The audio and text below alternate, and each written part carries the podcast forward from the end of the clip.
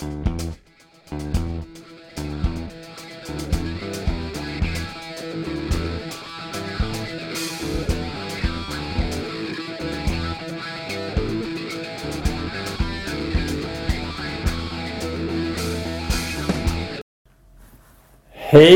och välkomna tillbaks. Det här är fjärde programmet och vi fortsätter på samma tema som eh, förra gången. Mm. Jörgen Tullberg och Erik Reinholdsson sitter här och berättar sanningar kring hemmasittare och problematisk skolfrånvaro. Vi snackade om tidigare åtgärder förra programmet och pratade då om vad som ofta var gjort ute på skolorna innan vi blev inkopplade. Mm. Och vi ska beröra det lite. Eh, nej, det gör vi inte. Utan vi berör mer flytt av skolan. Men också vad har skett utanför skolan? Vilka åtgärder brukar vara inkopplade innan man kommer till oss eh, utanför skolan? Men det första jag tänker på när det är så tidigare åtgärder det är att eh, ganska vanligt eh, att elever har bytt skola. Mm. Eh, och då tänker jag som vanligt så här, ha, varför har de bytt skola? Löser det några problem? Eller försöker man bara famla i mörkret och hitta, ja men om vi byter skola, då löser sig problemen. Och då, vilka problem är det som löser sig av att byta skola. Precis, rätt ofta sker det ju naturligt att man kanske från, har gått ut sexan så byter man till sjuan och byter man från en skola till en annan. Och då blir det ju ett byte oavsett för man kan inte gå kvar den andra. Sen det som du är inne och berör lite grann det är det här att när man känner att här är problem, vi behöver byta skola. Och så tänker man att då försvinner problematiken. Och det beror ju på vilken problematik det är. Det kan ju vara att det är vissa elever som man har gått i clinch med eller att det inte fungerar eller att man tycker att den skolan är för stor eller att eh, Ja. Ja, Lärarna precis, har alltså. bemött en jättekonstigt. Eller så. Ja. Men att lärare kan bemöta en lite konstigt. Det kan ju ske på nästa skola också. Alltså, alltså man måste vara väldigt tydlig. Ska man göra ett byte av skola för att lösa problem. Då måste man tänka att oftast att flytta problemet till ett annat ställe är inte lösningen. Utan man måste identifiera vad är det som har gått snett. Mm. Och hur ska vi bemöta för att det inte ska bli samma situation som det var på föregående Precis, för blir det samma situation för eleven på nya skolan så kommer ju eleven ta till det och skylla på sig själv. Mm. Att det, nu fick, tjatade jag här om att få byta skola och så fick jag det och sen blev det likadant igen. Mm. Då är det ju lätt att eleven tar på sig det själv och mår dåligt av den anledningen. Och jag har full förståelse för att man byter skola om man har blivit utsatt på sin skola. Man, det funkar inte med kamratrelationer eller ja, man, man blir utsatt. Eh, och vet att det här, det är enda problemet. Men finns det fler orsaker då har man ju precis som du säger bara flyttat problemet och det är större risk att eleven mår sämre. Mm. Faktiskt. För det är ju så, man kommer till en ny skola där ingen, man kanske inte har relation med någon vuxen. Man kanske har någon gammal kompis där men det blir helt nya lärare och det är ganska stor risk att eh, man inte kommer jättebra överens med alla. Mm. Eh, så det är svårt, men där får, det får man ju också eh, ta ställning till. Är det här verkligen en, en långsiktig lösning eller flyr vi bara från en problematik som finns och som det finns risk för att den fortsätter. För att ett skolbyte är ju också jobbigt oavsett vilken bakgrund man har. Så är det jobbigt att komma till en ny miljö eh, och lära sig liksom, förhålla sig i den nya miljön. Och här är det jätteviktigt att man är ärlig då. För att ibland kan det vara så att man mörkar. så att ja, den här problematiken fanns här. Och så tänker man att man flyttar till en annan skola. Så, så försöker man tänka att ja, men vi struntar i det som har varit. Nu börjar vi om på nytt. Men jag tror att man vinner väldigt mycket på att vara ärlig och tala om att den här problematiken hade vi på den här skolan. Vi tror att det beror på eh, kamratskap eller stor skola eller något sånt där. Men att man är ärlig att det finns, för då kan man bemöta det förhoppningsvis i den nya skolan. Att mentor och undervisande lärare vet om det. Att den här problematiken har funnits innan. Alltså ska vi göra allt vi kan för att en sån typ av bemötande som ställer till problem för första skolan inte upprepas på mm. nästa skola. Och det här, jag tycker ofta att skolorna är ganska medvetna om det här. Att mm. liksom, ja men vi löser problemet på plats men det är svårt för eleven själv att eh, förstå det. Mm. Eh, Men det är också, jag har ju varit med om många fall där eleven har velat byta skola men föräldrar och skola har sagt nej, nej men vi jobbar på det och sen när, när man har kommit till grund med problemet då vill e- eleven inte alls byta skola. Mm. Och där man ser i efterhand att ett skolbyte hade varit jättejobbigt. Ja. Sen eh, blir ju socialtjänsten inkopplad. Man gör en skolplikt, eller eh, alltså blir skolpliktsanmälan och det ser ju lite olika ut vad, vad det är. Men sen en orosanmälan eftersom föräldrarna inte får iväg eleven till skolan. Och där säger skolan, ja men om en förälder inte får iväg eh, sitt barn till skolan, ja då måste det ju vara något fel på hemmet. Eh, Mm. det- är nästan den, den vanligaste ingången och det kan man ju tycka olika om. Jag har ju stött på liksom där, familjer där det är verkligen hemmasittarproblematiken eller frånvaron har berott på rent fysiologiska skäl. Mm. Eh, inte alls hemmet men det är en van, vi kan i alla fall säga att det är en vanlig åtgärd som har vidtagits innan de kommer till oss. Mm. Eh, och Och där är kan vi, också- vi kan flika in att skolor där har ju den skyldigheten. Känner man oro så ska man göra en orosanmälan.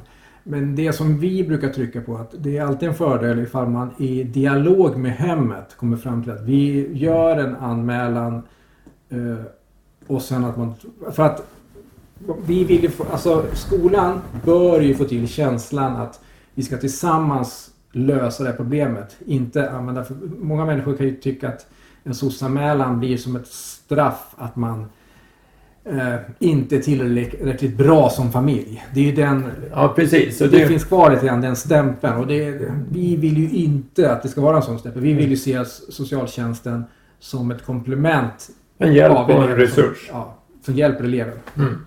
Och, det, och man måste veta att det finns en anmälningsplikt. Jobbar man med barn och unga och ser att barnet far illa så finns det liksom en anmälningsplikt. Och den måste, alltså skolan Mm. Är skyldiga att göra en anmälan om de känner oro. Ja, annars Det- begår man tjänstefel. Annars begår man tjänstefel. Men det finns också olika, olika kommuner. Det finns inom socialtjänsten så kan det vara att man har en frivilliginsats. Där vi har jobbat så har det funnits ett mobilt team som där i princip familjerna söker stöd och man kan få hjälp. Eh, Det kan vara en tidigare insats men sen när den här eh, om, om problematiken kvarstår och det blir den här orosanmälan från skolan eh, så, så ska ju den utmynna i en åtgärd också. Och här, mm, den åtgärden är ju sällan liksom skolbunden utan det kan ju vara liksom familjebehandling eller kontaktperson eller ja, olika former av stöd som socialtjänsten eh, erbjuder. En annan sak som ofta, eh, en åtgärd som har tagits, det är att man har fått kontakt med barn och ungdomspsykiatrin. Eh, och det, finns det en ångestproblematik så får man hjälp kring det eller man kanske gör en utredning och undersöker ha, har den här eleven svårigheter? Och det ser också jätteolika ut. Vad får man för stöd om man har fått en diagnos? Eh, är det medicinering eller KBT eller vad, vad sker vidare? Och det är också väldigt olika eh, hur det här hjälper eleven. Hur, får man hjälp med hur man ska förhålla sig till vardagen, skolvärlden utifrån sin diagnos som kan erbjuda en viss förståelse inför, eller för att ja, men det, det här har jag haft svårt med i skolan. Jag har haft svårt med kamratrelationer. Jag har förstå, eh, haft svårt att förstå det sociala spelet. Det kanske beror på mina svårigheter. Eh, men då behöver man ju hjälp kring det. det alltså den diagnostiseringen är ju ingen hjälp i sig utan den ska ju vara en hjälp för vidare insatser och öka eh, öka förståelsen för eleven och förhålla sig. Det som kan kännas skönt för en elev när de får en diagnos är att aha, det är, eh, det är det som gör att det blir lite tokigt för mig. Att jag, att jag, ja, men jag har ADHD eller jag har det Asperger, det som, som det kallades förut inom, Autism, inom eh, autismspektrat. Och det, det är ju precis som, alltså, gör det jätteont att gå Mm. om man går till en läkare som säger ja men du har en spricka i smalbenet. Ja. Så skulle ju det vara, aha, alltså det var inget värre fel. Ja.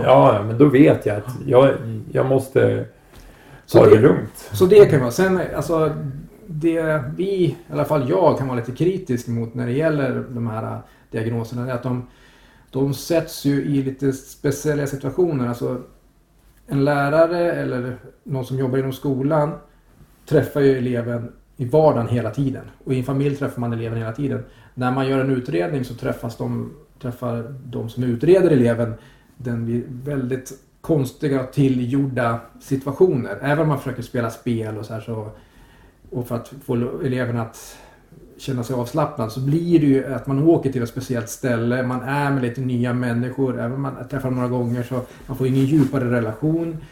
Det kan bero ganska mycket på dagsform och sen så får man någon slags stämpel på att det är det här som blir lite tokigt för mig. Och Ja, men tänk, vi brukar ju vara så, när vi träffar elever så ser vi att, att de har någonting inom autismspektrat. Så liksom, Okej, det är ju intressant. Men vi vill ju lära känna Mm. eleven som är bakom och få reda på ja, men vem är du och när, i vilka situationer blir det här jobbigt för dig? Vi tänker alltså en enkel diagnos som dyslexi. Mm. Där, där bedömningskriterierna är, är på ett sådant sätt att du visar ju samma svårigheter om du inte har fått lästräning Ja. som att du har dyslexi. Mm. Så att vi tänker oss att en elev som har glidit bort väldigt tidigt i skolan eh, kanske inte har läst så mycket i hemmet eller tränat på det under tiden.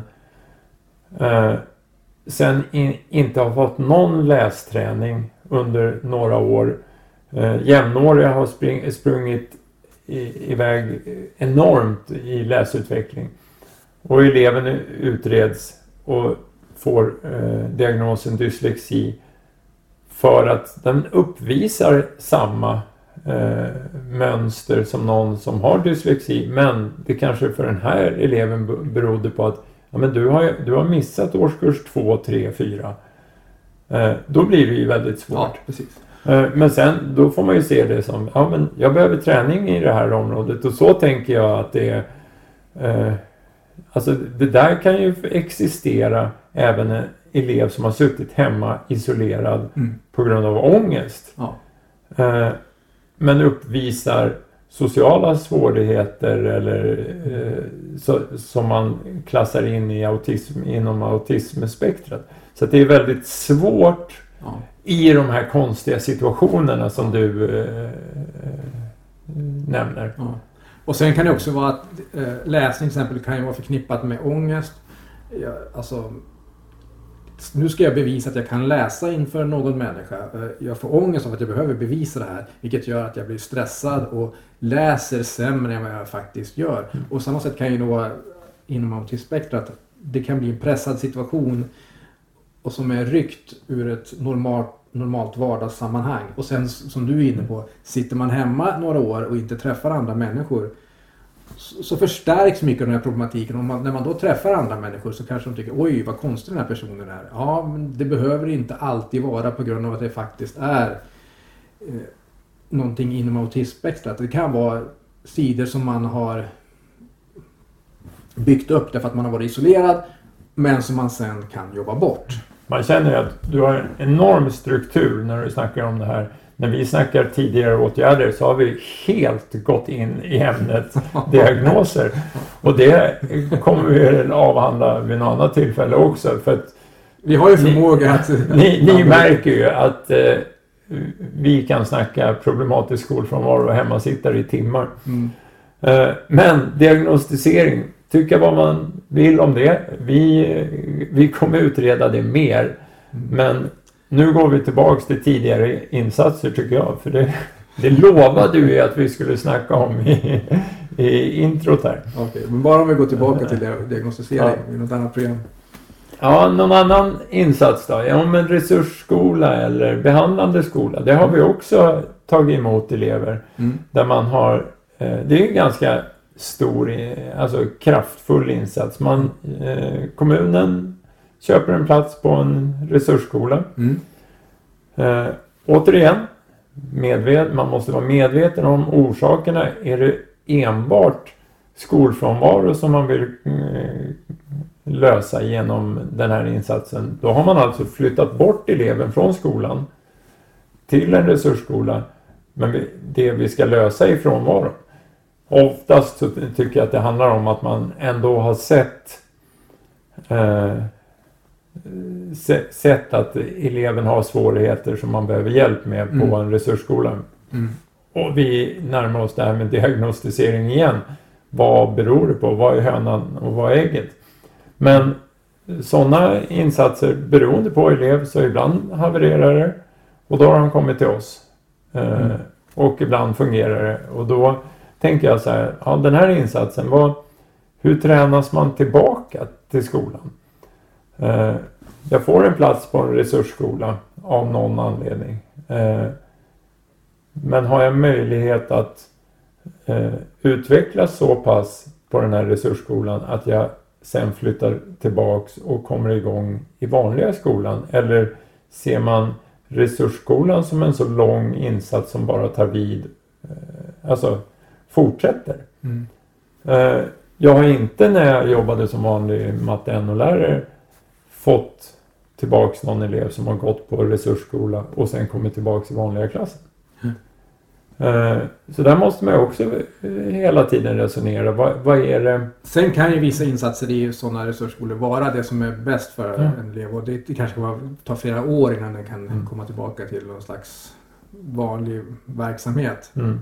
Men det, det är det. Alltså alla tidigare insatser vi nämner, både i det här programmet och förra programmet, är ju kanoninsatser Ja. för rätt elever och där vi har sett att det här hjälpte verkligen den här eleven. Eh, och det är mycket lättare att sitta när, nu när vi resonerar att se svagheter. Men det, det är verkligen inte det vi vill föra fram.